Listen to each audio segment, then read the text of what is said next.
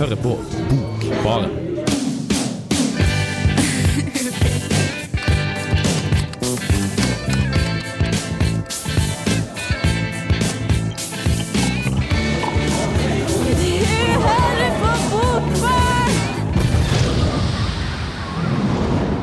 Du hører på Bokbaren, og i dag skal vi benytte oss av en av de gamle temasendingfavorittene. Kjønnssendinga har stått for noen av de fineste samtalene og sakene i dette programmet, og jeg håper at kjønnssendinga versjon 2010 ikke vil bli noe unntak. Martin skal angripe Faulkner fra en helt ny og seksuelt lada vinkel. Eh, Kristine skal fortelle om hva Hanna Helseth egentlig mener med Generasjon 6. Eline skal prate om Katrine Haaland sine tegneserier. Jeg heter Mathias, og jeg skal geleide dere gjennom denne timen. Og for å sparke det hele i gang, skal vi høre på en artist som beskriver temaet for denne sendinga godt, med en låt som vi i Bokbaren har et helt spesielt forhold til. Her får du David Bowie med Sound and Vision.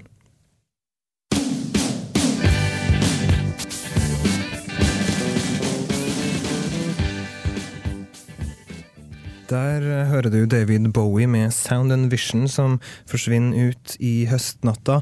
Og Martin, noe annet som handler om lys. Ikke i høstnatta, kanskje, men i uh, Nei, altså, August er vel på vippen, kan du si. Uh, sensommer. Sensommer, lys, lys på sensommeren. Den er for Light in August, som, har, eh, som romanen Jeg har lova, at du skal angripe Faulkner på en eh, seksualisert eh, måte. En seksualisert måte. Eh, jeg vet, nå er Faulkner død, eh, så jeg er ikke sikker på, på, på, på om det min, er, ligger i min legning. Eh, men eh, vi kan la nekrofilihumor være nekrofilihumor og bevege oss videre på romanen. Eh, Light in August er en roman som uh, i, altså liksom i en sånn nåværende kjønnsdebatt kan leses på en eh, litt ny måte.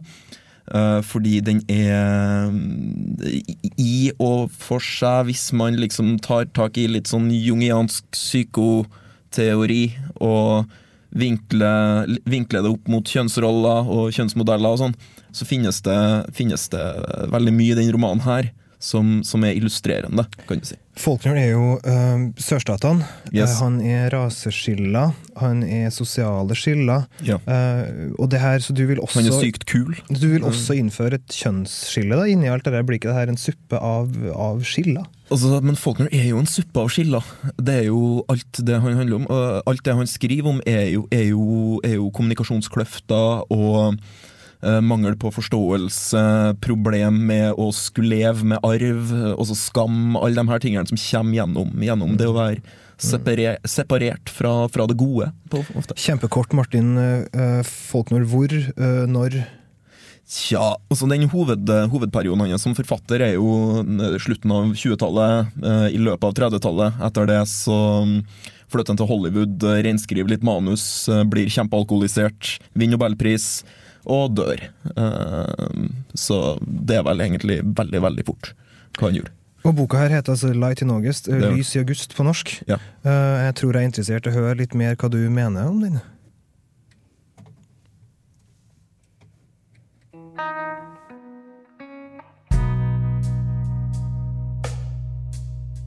Kjønn og seksualitet er et av de mest klassiske motivene i litteraturen.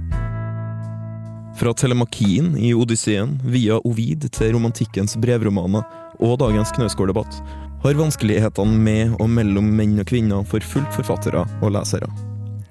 Noen bøker er likevel mer interessante enn andre, og i den forbindelse har jeg tatt en tur i bokhylla for å finne en høyaktuell klassiker som jeg gjerne vil tipse om.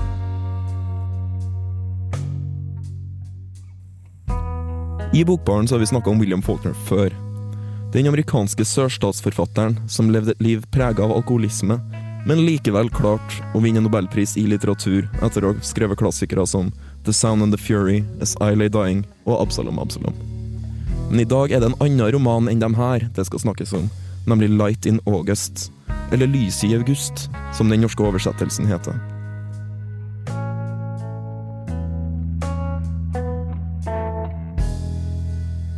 På mange måter bærer romanen de typiske Faulkner-kjennetegnene. Southern Gothic, check. Morderiske psykopater, check. Raseproblematikk, check. Masse sex og skam, check.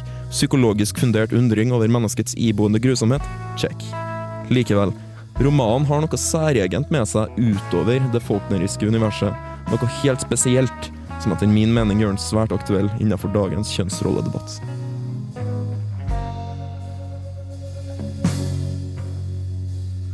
Karaktergalleriet består bl.a. av en forsmådd kvinne på jakt etter sitt ufødte barns far.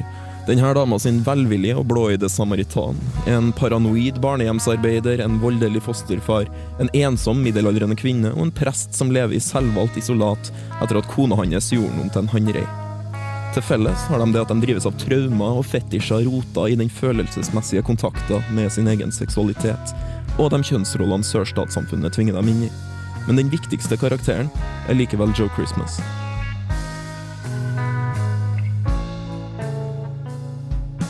Christmas er den som berører dem alle, og som dermed står i fortellinga sitt sentrum. Han er mulatt, halvt svart og halvt hvit, noe som i Faulkner sørstatsunivers gjør han fullstendig rotløs, uten tilhørighet til noen kultur. I tillegg er han drevet av et raseri som stammer fra gjentatte svik i oppveksten. Joe Christmas har blitt en voldelig kriminell, en grusom utbytter av andre mennesker. Ved historiens begynnelse er han ettersøkt for mord. En middelaldrende kvinne han har bodd i hagen til, har blitt drept og det gamle herskapshuset hennes påtent. Herfra følger vi i bruddsekvenser etterspillet forbrytelsen får i lokalsamfunnet, og scener fra Joe Christmas sin oppvekst. Det hele maler et portrett av en mann med janusansikt, en ond og en god side. Vi ser hvordan et menneske blir grusomt gjennom å utsettes for grusomhet. Hvordan nødvendighet har drevet en inn i sine destruktive sider.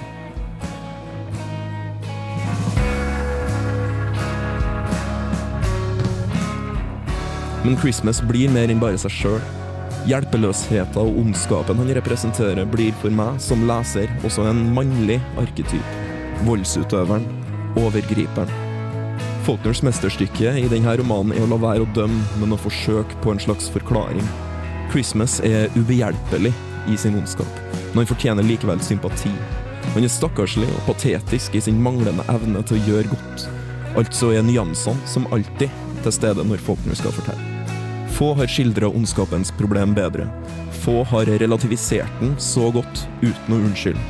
Og i det ligger det noe fundamentalt menneskelig og vesentlig.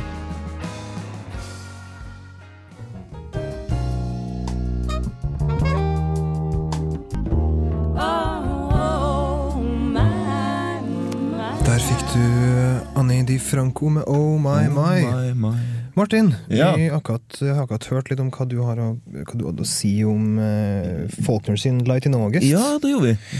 Du, dette her med uh, sørstatene, Southern Gothic osv., hva er det? Det er vel kanskje et begrep eh, som bør nevnes. Altså, det er jo eh, Hva skal vi si? Altså, det er huset William Faulkner bygd, eh, heter Southern Gothic, og er etter hvert blitt en sånn egen subsjanger i amerikansk litteratur. Eh, og ikke bare amerikansk litteratur, for så vidt, men det er denne blandinga av eh, du kan si også det svette, varme, klamme, onde det er sånn her truende, altoverhengende greier som Nick Cave, Cormac McCarthy også, også benytter seg av. Bare for å være helt uh, presis, er jo så Southern Gothic. Ja. De her to ordene, hva på en måte står de for? Hva representerer de? Det er jo, det er jo sørstatsmotivet da, som ligger i southern, og i gothic så ligger vel alt vi forbinder med ordet gothic, tenker jeg. jeg vet ikke. eh, Det mørke, Det mørke altså, og det, ja, det skumle og Ja. truende Mm. og alt det der. Det skal også sies at det er jo et veldig Og det bibelske. Ja, ja ikke minst. Det Det, var det, det neste jeg skulle si her. Det her har jo Sørstatene er jo Ja. kobla opp til bibelske. Uh, Mhm. Vekkelsesbevegelse uh, I hvert fall southern gothic som sjanger. Ja, og, og, med de her religiøse Mhm. bildene og, alt Du nevnte jo Neil Young, nei Neil Young, jeg mener Nick Cave. Nick Cave, sant? Ja. ja. Uh, og på en måte The Ass og The Angel er jo tungt uh, inspirert av det. Men, men hvordan fungerer det her i eh, Faulkner? Hva finner du av bibelske motiver her? Altså, Faulkner er jo ikke utprega bibelsk. Altså, han, har jo, altså, han skriver jo Sørstateren, så du finner jo av og til veldig veldig religiøse karakterer. Uh, men i Faulkner så ligger det litt indirekte. Det ligger i eh, i, i, liksom innbakt i moralen, i, met, i metaforikken. Altså, du skjønner det at uh, sex er forbundet med synd. Du skjønner det at, uh, at uh, vold er forbundet med syndefall, og, du, og karakterene forholder seg til hverandre på denne sånn episke, episke måten vi, vi på en måte kjenner litt igjen fra Bibelen. Da. Altså, det blir veldig lignelsesaktig, kan du si. Når det er sånn mørkt og vått og Mye- hårt og klamt. Ja, hvordan blir det da med seksualiteten? Nei, den blir jo veldig mørk og våt og klam, da, kan du si. Ja, det Det- lurer jeg på, Martin. Altså, her, du sier jo bibelsk her, ikke sant? Ja. Uh, er det, mener du da at det er en form for sånn gammeltestamentlig seksualitet i det? Eller Mm, ja, det altså du kan jo si at det ligger litt i, den, eh, i, i det samfunnet som skildres. Uh, For det Blir er det jo bare skam? Det er veldig mye bare skam, ja. Eh, og veldig mye av Faulkner uh, dreier seg om skam, og også i denne boka her dreier det seg om skam. For, vi, for det handler om Joe Christmas, som har begått sine synder, og som er i, ute av stand til å forbedre seg. Og um, i det her så ligger det, ligger det så, så, så blir bildet av syndefallet veldig, veldig sentralt. Og veldig mye av budskapet i denne boka her er det at Joe Christmas ikke klarer, ikke har, um, ikke har den nærmeste mulighet engang til å skjønne hvordan han skal, han skal frelses, da, kan du si. Du sier at det her er jo en sånn altså en voldsmannsskikkelse, ikke sant? Ja. Altså en av på en måte, karikaturene på en mann. Da. Mm, Altså, øh, men er det, er det ekte på den måten? Altså, det liksom Det som skjer, og det er det her som er interessant, ikke sant? for når du først møter Joe Christmas, så er han en karikatur. Eh, men gjennom retrospektiver, gjennom på en måte å gå gjennom uh, oppveksten hans, så ser du hvordan han skapes om til det. Gjennom å bli utsatt for, eh, for ting som man ikke klarer å takle. Og hvordan det her bare setter seg fast i hele kroppen hans. God bok? Veldig god bok. Okay. Les alt av Faulkner. Jeg tror vi skal komme oss videre. Eh, Her får du 'Charming Hostess' med 'Early in the Morning'.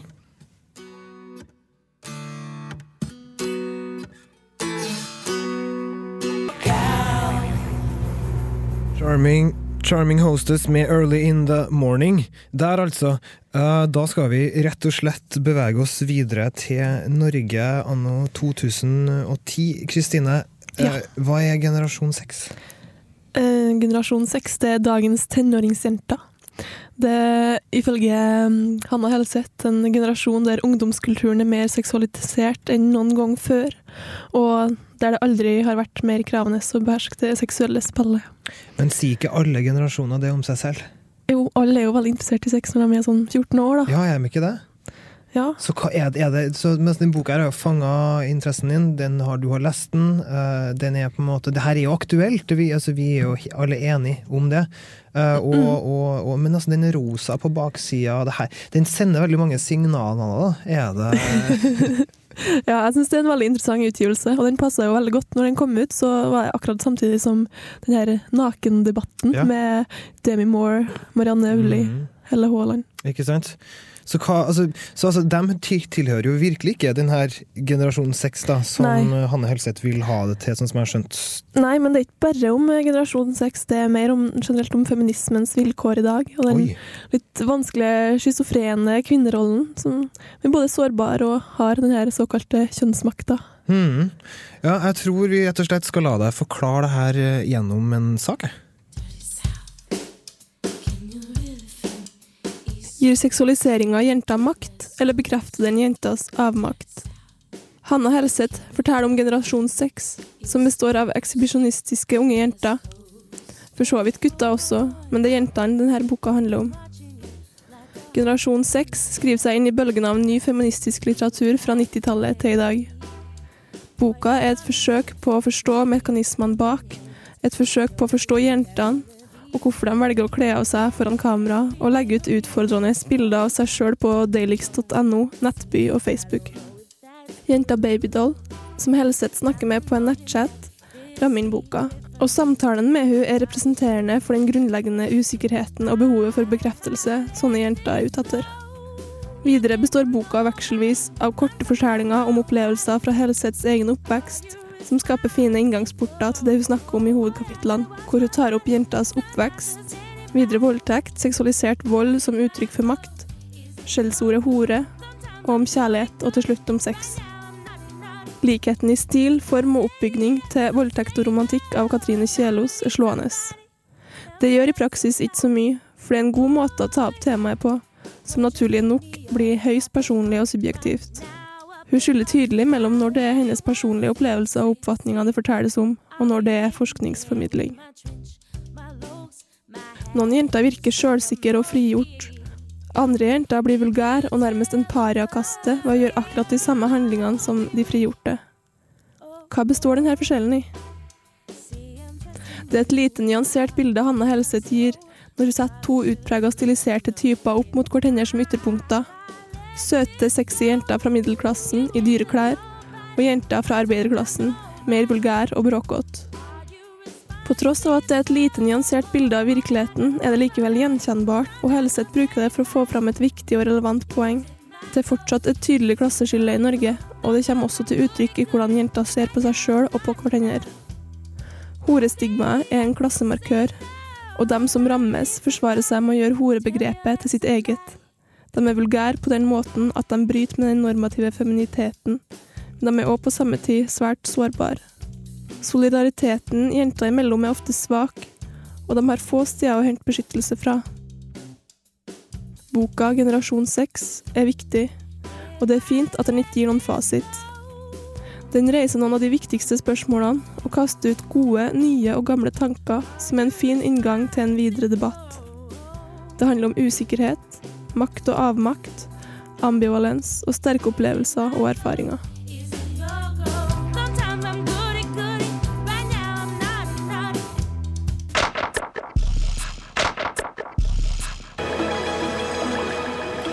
Dare Hunter der, altså, med helikopter. Uh, vi har akkurat hørt en utredning fra Kristine om generasjon 6. Ja. Og hvordan det var å lese denne boka. Uh, det er Hanna, Hanna Helseth som har uh, skrevet den. Mm. Hun er også en ung kvinne. Eller en kvinne, i hvert fall. Vil jeg si. Hun er en 30. 30, ja. Ja. Og hun er, er sosiolog, eller hva er det på en måte? Hva er Ja. bakgrunnen hennes? Ja, hun er sosiolog, og så er hun de mest toneangivende feministene i dag. Ja, fordi at når det her, altså når det her kalles altså Du sier i saken din at guttene gjør også det her, men den boka her handler om jentene. Ja. Hva, altså, det er jo veldig vanskelig for meg å på en måte si på en måte, å unngå å spørre deg hvorfor handler det bare om jentene. Det er sant. Um, jeg vet ikke helt, jeg. Altså, det er jo Feminismen har jo tendens til å ta utgangspunkt i jentene sin situasjon, men jeg regner med at det er ja, ganske vanskelig å være gutt også, altså. Når var det sånn fjortis. Takk skal du ha. Nei, altså, det er ikke egentlig derfor jeg spør, men, jeg, men, men altså, jeg tenker at det her fenomenet da, som beskrives, det er generasjon sex. Ja. Eh, Jeg synes at I den tittelen, for det første, så ligger det jo både jenter og gutter. Altså, det her er Mhm. ikke en, eh, en Jeg kan forstå det her med eh, behov for bekreftelse, uh, unge jenter. ikke sant? Altså, Oppdagelsen av en form for seksualitet som man markedsfører, som man merker at er en eh, så, så, så, så, som sier, så, eh, en ford, ford, fordel, da. eller man har noe som eh, går for seg, som man mm. ikke hadde på et tidligere tidspunkt. ikke sant? Men hvordan er det her forskjellig egentlig fra tidligere generasjoner? Er det bare her, internettalderen? Det er vel det, det her med liksom glamourmodeller og muskelmenn, og at man Mm. liksom i, I media så har man hele tida noen roller man skal leve opp til, da. Og som jente så skal man på en måte være veldig sexy og utfordrende, og samtidig skal man være takkelig, da. Så det er en veldig vanskelig balansegang. Det, jeg du, det som du sier i den saken som jeg syns er veldig spennende, her med eh, klasseskillet På, Ja. på altså, hvordan det her oppfattes med å være trashy, liksom. Mm. Eh, og at, og at eh, Halseth beskriver det her som en sånn form for eh, internalisering av, av, av den rollen som man blir, som noen projiserer på deg. Det var Mm. veldig mange ord på en gang, men, men, men, men, men at man blir til den rollen som folk forventer på en måte at du skal ha. Altså at man tar uh, begrep Ja. og gjør det til sitt eget, ikke sant? Ja, det er jo sånn som eksempel eh, homsene og lesbene gjør. De har jo tatt Ja. liksom, det som tidligere har vært eh, skjellsord til sitt eget. Det er jo en forsvarsmekanisme. Mm. Og det er der hun påpeker at uh, jenter eksempel, som på videregående går ja, yrkesfag, helse- og sosialfag, altså at de bruker tar horebegrepet og bitch som, sitt, som sine egne ord, og bruker det om seg sjøl og om hverandre. Skjønner. Martin? Uh, det jeg lurer på, altså, Sier han noe om hvor de her uh, uh, Hvor de her begrepene kommer fra? Altså, er, har hun gått inn i det i det hele tatt? Nei. Eh, hun viser til nyere forskning både i Norge og Sverige som, som ja, går på ungdomskultur. Ja, ikke sant? Nei, men eh, det, det jeg tenker på er jo at um, det her går jo inn i en, i en sånn, inn i en sånn gammel, eh, gammel feministisk eh, retorikk, Um, Mm. med hore-madonna-symboler og Ja. alt det her. Uh, samtidig, altså når vi, når, vi, når vi tar i betraktning det at Norge er et av de mer likestilte samfunnene i, i verden, eh, uten å dermed si at vi er blotta for, sjåvinisme og alt det her, så, så er det jo, kan det jo vanskelig lenger være et sånn um, et bilde som blir påskjøvet kvinner av menn, da, som, i en sånn, i en, som i den gamle forståelsen? Nei, Eller men blir det altså, det er hele tida forventninger både fra en sjøl og fra miljøet rundt at du skal være begge deler samtidig. Eline? Eh, Vi sa jo at det handla mest om jenter her. Eh, Og kan det være pga. at jenter da eh, har forventninger til jenter? At det er vi som hele tida skal leve opp til hverandre? Både ja og nei. Eh, Det er jo litt sånn at Altså, det påpeker Helseth at er litt sånn at jenter er jenter verst. Det er veldig lite solidaritet. Så på en måte, ja. Mm. Jeg tror jeg vil støtte opp om det Kristine sier her, da, i forhold til at jeg tror det er veldig mange sånne roller, øh, øh, og veldig mange mønster man skal passe inn i. Eh, men jeg tror, altså jeg tror ikke de er altså Det er et større fokus på hva de gjør med kvinner, men det betyr ikke at de ikke eksisterer for menn også. Som du sa, altså med muskelmenn eller med på en måte undertøysmodeller. Altså alt, alt der har tatt igjen eh, på en måte en mannsgenerasjon, og den har nok vært der hele, hele tida, men det har blitt et fokus på det. altså liksom si, eh, Spiseforstyrrelser er mer og mer utbredt blant menn, ikke, ikke, ikke sant? Man begynner endelig altså, å høre om altså, voldtekt av menn, Mm. Uh, at, folk, at det blir rapportert. Så her er jo et, det er jo en forandring som, som på en måte skjer. Men det jeg er interessert i, er om syns du denne boka er viktig? Er det et viktig bidrag? Ja, det syns jeg. Uh, i Norge, Norge har vært litt sånn at de har hengt etter uh, i debatten for, i forhold til f.eks. i Sverige. Uh, du har jo voldtekt og romantikk av Mm, mm. Katrine Kjelos. Så jeg syns at denne boka her blir viktig, og den kom på et veldig passende tidspunkt, syns jeg. Og siden det ikke bare handler om generasjon sex, men også mer generelt om feminismens rolle, da, så, så viser den tydelig eh, hva feminismen er, gjennom litt mer konkrete eksempler. Martin, du hadde hånda stå opp i sted. Ja, nei, jeg, vil, jeg ville jo bare, bare kommentere litt det du sa med her med liksom utviklinga eh, hos menn, for jeg syns jo det, det her med roller og sånn er veldig veldig spennende i populærkultur. Og på 20 år så har vi jo sett actionhelter gå fra å være Arnold Schwarzenegger til Shia LaBeouf. eh, og uten å ha sett en tilsvarende utvikling hos, eh, hos kvinnelige altså Med mindre man skal begynne å ta tak i sånn sex og singelliv og glamourmodeller og alt det der. Så jeg syns jo, jo det er litt interessant at, eh, som jeg var inne på i sted, at han helst sett ikke har gått inn på grunnene til at det er sånn her, og ikke prøvd å analysere seg litt, litt fremover der. Er det en bok vi vil komme tilbake til i høst? Er det noe, Tror du det blir noe debatt rundt her? Er det noe, er det mer å si? Ja, jeg syns at den, den er veldig fin, for at den, eh, den eh, kommer, ingen med, kommer ikke med en sånn siste konklusjoner. Så den eh, åpner veldig fint eh, videre for en debatt. Skjønner. Da får vi håpe at den debatten kommer, og at vi kan følge med og oppdatere dere på den her. Eh, videre, så vi, er, vi begynner å nærme oss slutten, men før vi kommer så langt, eh, så skal Eline få lov å snakke litt om Katrine Haaland sine tegn tegneserier. Men før det igjen, så skal vi høre Trondheim Jazzorkester eh, med Eiril Country. Oi. Ja. Ja. Trondheim Jazzorkester.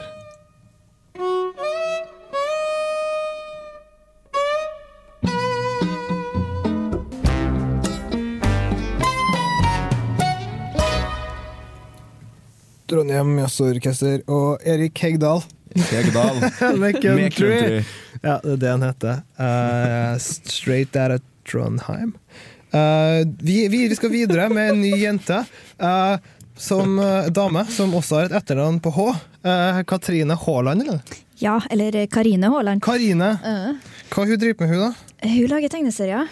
Og Jeg har sett dem her før, jeg. Jeg er sikker på at jeg har sett dem her før, men jeg kommer ikke helt på hvor de er. De har... har er ja, de er kjempeflotte. Hvilket blad har de stått i? Har det vært et blad, eller har det vært de har vært en- både med i Pondus og Ernie og, og i. Dagbladet. Skjønner, ja, men det er sikkert Dagbladet, tenker jeg. Er hvor veldig- jeg ja. har um, sett på. Ok, men uh, Karine uh, uh, Haaland, hvem er denne dama? Uh, hun er, lager jo tegneserier, og um, hun har vel egentlig ikke gjort så veldig mye annet hun er kjent for, i hvert fall. uh, hun slutta visstnok eh, på skolen etter eh, sjuende klasse. Så um, hun, hun har jo sånn helt egen uh, Hun greier jo å se ting i samfunnet som, uh, som vi kanskje ikke ser da, med en gang. Og vi får en veldig sånn eh, morsom opplevelse når vi leser om det. Det høres ut som et spennende perspektiv. da. Det er jo ikke mange i det norske samfunnet som kan si at de slutta på skolen etter 7. klasse. Så her er sånn Fikk hun lov til det? tenker Ja, det er veldig Det høres veldig amerikanske tilstander ut, eh, her, her. men det er det, det, kan, du kan kanskje få litt det inntrykket av det nå, for det er, en, det er en del fordommer her, og det er en del på en måte Hun tar opp en del ømfintlige tema. Ja, og hun eh, går jo løs på alt, da. Både, ikke bare kjønn, men eh, innvandrere, gamle, unge, eh, ja, homoseksuelle, alt mulig. Uh, og hun går jo løs på de her fordommene så, og slår dem i hjel. liksom det, det er så mye uforutsigbart hun har. Som du, du blir overraska, og, og du kan begynne å se på folk på en litt annen måte. Altså. Jeg tenkte på det her med eh, altså Du nevnte eh, Pondus. Og Pondus er jo sånn typisk sånn serie som har veldig mange teite uh, sånn stereotyper av menn. Uh, de er jo selvfølgelig fest, festlige, men det er veldig mye sånn den typen menn da, ikke sant? som på en måte er veldig mannete, og som ikke klarer, ikke klarer ting. Skal være Eh, fotball. Ikke sant? Ja. Fotball, og alle homsene som er med, er sånn lærhomser. Og det er på en måte altså, han tar det han Alle tar damene er buruglade. alle damene er buruglade. Bortsett fra den man gifter seg med. Ja, ikke sant? Og sånn er det, altså, det er liksom sånn det, men er det her en sånn er det, Ser du noe snev av en sånn type kvinnelig perspektiv her, eller er det, er det, er det, er det, er det stereotypier, liksom? Og, Tenker du stereotypier på, på kvinner? ja? Uh, nei, for hun har holdt seg unna stereotypier sånn generelt. da. Uh, hovedpersonene er jo to venninner, og de er, de er veldig tøffe begge to. Og eh, ja, det Frigjort og med bein i nesa. Med bein i nesa, absolutt. De sier på delix.no, tror du? Ja, vet du, det, det er ganske søtt. Men altså, for, altså, for se her, jeg kan jo, kan jo, man kan jo krangle på at det å ha bein i nesa, og være frigjort og være pen, eh, også er en stereotypisk tegneseriehelt-Tine. da. Fordi altså, vi har jo ikke husk på Nemi, for eksempel, og Trenger vi virkelig å huske på det? Jeg bare sier at det her er ikke altså Man lager de konvensjonene man lager, ikke sant? Så Uh, uh, altså, det, det, her, det her er jo på en måte festlig, og det er jo ment å være litt uh, uh, provoserende. Ikke sant? Er en frekk eh, på en måte serie, men, men holder hold den seg? Altså, Er den morsom hele veien, liksom? Ja, vet du, det syns jeg, for at uh, hun har, sånn som hun sjøl sier, da, at hun har egentlig ikke en hovedperson. Og det, hun har et vidt spekter av folk som hun bare Mhm. tar for seg så mye hun vil av, egentlig. Hun, uh, hun tenker ikke at, ha, at det skal være et uh, samfunn rundt den ene, ene karakteren. Da. Hvor får du tak i dette her? Hva, er det en eh, bokhandel? Ja? Hun Ja. har uh, faktisk seks egne tegneseriebøker mm. som hun har uh, gitt ut, og det, det er lett å få tak i. Skjønner. Hva, er det noe sånn man skal se etter? Altså Karine Haaland, men er det Ja, noe sånn Hun- Det heter Pyray, da. Pyray? Eh, Selve serien. Mhm. Det, det er et navn som hun kom opp med ganske seint eh, etter at hun lagde en del eh, serier. Så på den første utgivelsen så er det ikke sikkert du finner det. Men Nei, jeg syns det er et veldig rart navn. Jeg skjønner ikke helt hva det betyr. Men det, hun har sikkert noe. Du sa at hun ville ikke kalle opp etter Nei, her. sant? Det er det som er litt av meninga. Hun ville ikke at det skulle være identifiserbart med én av karakterene. Mm. Uh, fordi at da blir den, de andre så lei seg sikkert. Og, ja. Veldig god grunn. Ja, ja. Jeg tror vi skal høre litt mer på en sak du har laga om her. her. Ungdommen nå til dags. Da jeg var ung, hadde vi ikke sex og narkotika. Og nå? Nå er det for seint. Karine Haalands tegneserieunivers Pyray, som tar for seg trønderske lærhomser, mannevonde pensjonister og wannabe gangsters, innvandrere, og blander alle dem her sammen til et flerkulturelt mekka av fordommer og fremmedfrykt, som hun igjen går løs på med hardtslående kommentarer og leiken ironi. Hun tar for seg samfunnet og alle de forskjellige typene som utgjør det, og legger opp til flere uforutsigbare hendelser som får det til å rykke i lattermusklene. Haaland finner noe å ta tak i og sette på spissen hos alle, uansett bakgrunn, utseende, kjønn, legning eller politisk ståsted. Eksempel er det ikke lett for foreldrene til Jasmin å finne en mann til henne. Han skal jo helst ligne Bruce Willis, være god på å kline, og samtidig ha en ganske lekker inntekt. De må til og med hente han fra Pakistan, da Jasmin har brukt opp alle de norske.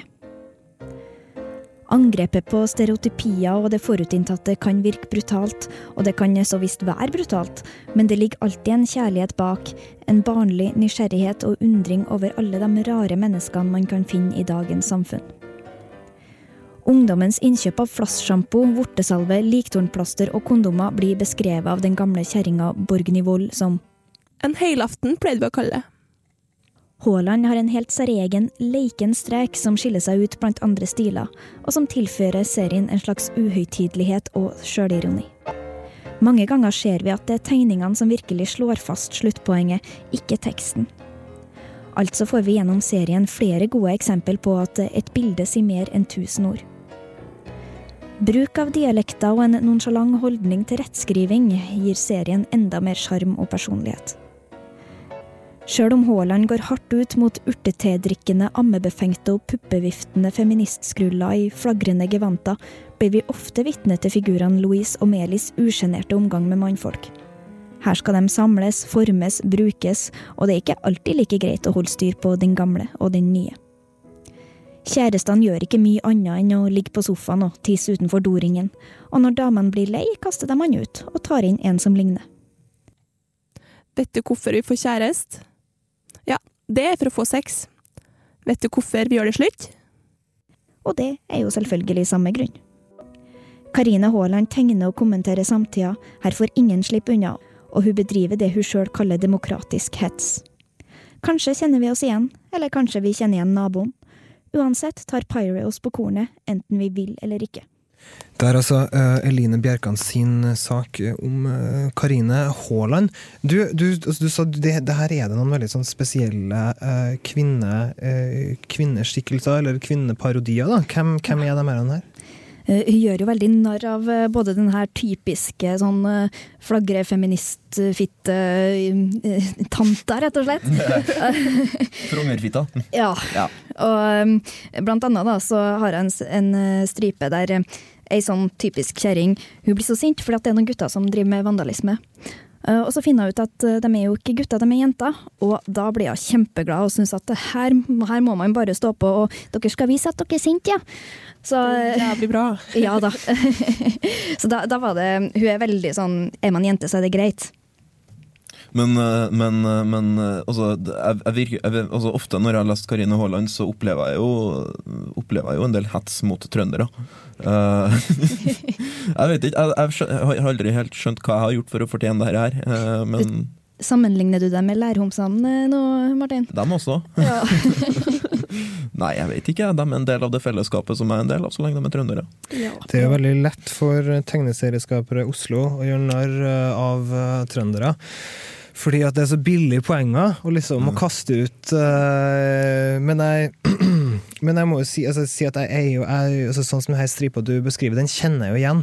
For hun har jo noen sånne jenter med hettegensere og på en måte sånn her. Ja. Og jeg syns hun spiller litt på det her, her òg, altså den typen, den typen kjønnsforskjeller og de forventningene. da. Eh, man har eh, den her, sånn som den her pakistanske karakteren som skal bli gifta bort, ikke sant? som Ja. etter tror jeg på en måte forsøkt å altså, jobbe seg gjennom masse menn. da. Altså, det er på en måte det jo, det her, det her, det her høres jo veldig eh, altså, det høres jo, hun sparker jo både opp og ned. Ja, og hun um, har jo også um, gjort narr av den her uh, typiske kvinneskikkelsen, da. uh, som er veldig stereotyp, det her med at um, ja, hvis, hvis ei dame hadde vært ansvarlig redaktør for uh, Villmarksliv, det her bladet, så hadde det kommet til å vært artikler om treskjæring og angsten ved å skjære feil, og når bilen ikke vil starte, og jeg bommet på elgen om å takle sorg og stress. Sånne ting. Martin? Eh, er det rettferdig, synes du, å si at den gruppa mennesker Karine Haaland kanskje hetser mest, er folk som mangler refleksjon?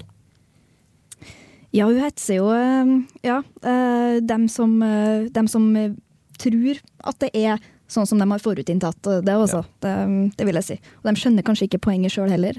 Mm.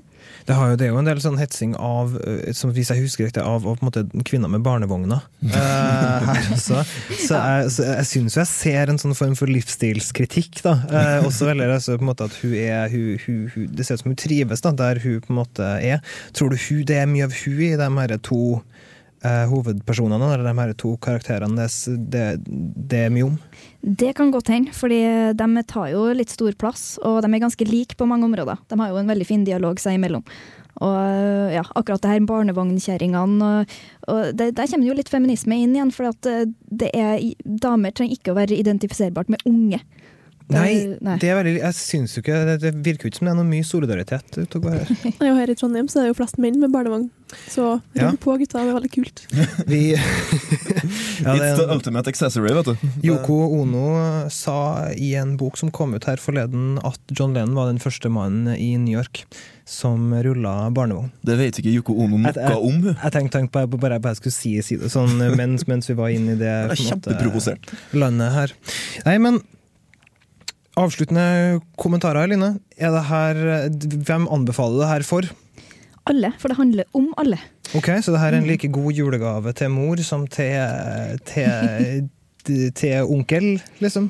Eh, Det er vel Ja, når du sier det sånn, så jeg tror kanskje at det er flest jenter som har eh, lest det. Men eh, det kan jo være at man er litt forutinntatt igjen, da, mot en eh, kvinnelig serietegner. Eh, Den er en veldig fin julegave til meg, i hvert fall. Ok, men da kan vi gi den til Martin. Jeg tror vi får la det være siste ord. Martin skal få Karine Karine Haaland sin uh, sine tegneserier i julegave av Eline. Eh, vi har prata om Hanna Helseth sin Generasjon 6, og Martin har snakka litt om William Faulkner sin eh, Light in August, og på en måte kjønnsperspektivet og litt sånn eh, i den. Det her har vært en eh, spennende sending, syns jeg. Den som har vært med å lage den, er Kristine Fredriksen, Eline Bjerkan, Martin Ingebrigtsen. Jeg heter Mathias Samuelsen, og Trond Storønning har vært eh, tekniker, sånn som han pleier å være. Vi skal forlate dere med Cold Mailman og Fatal Conversation.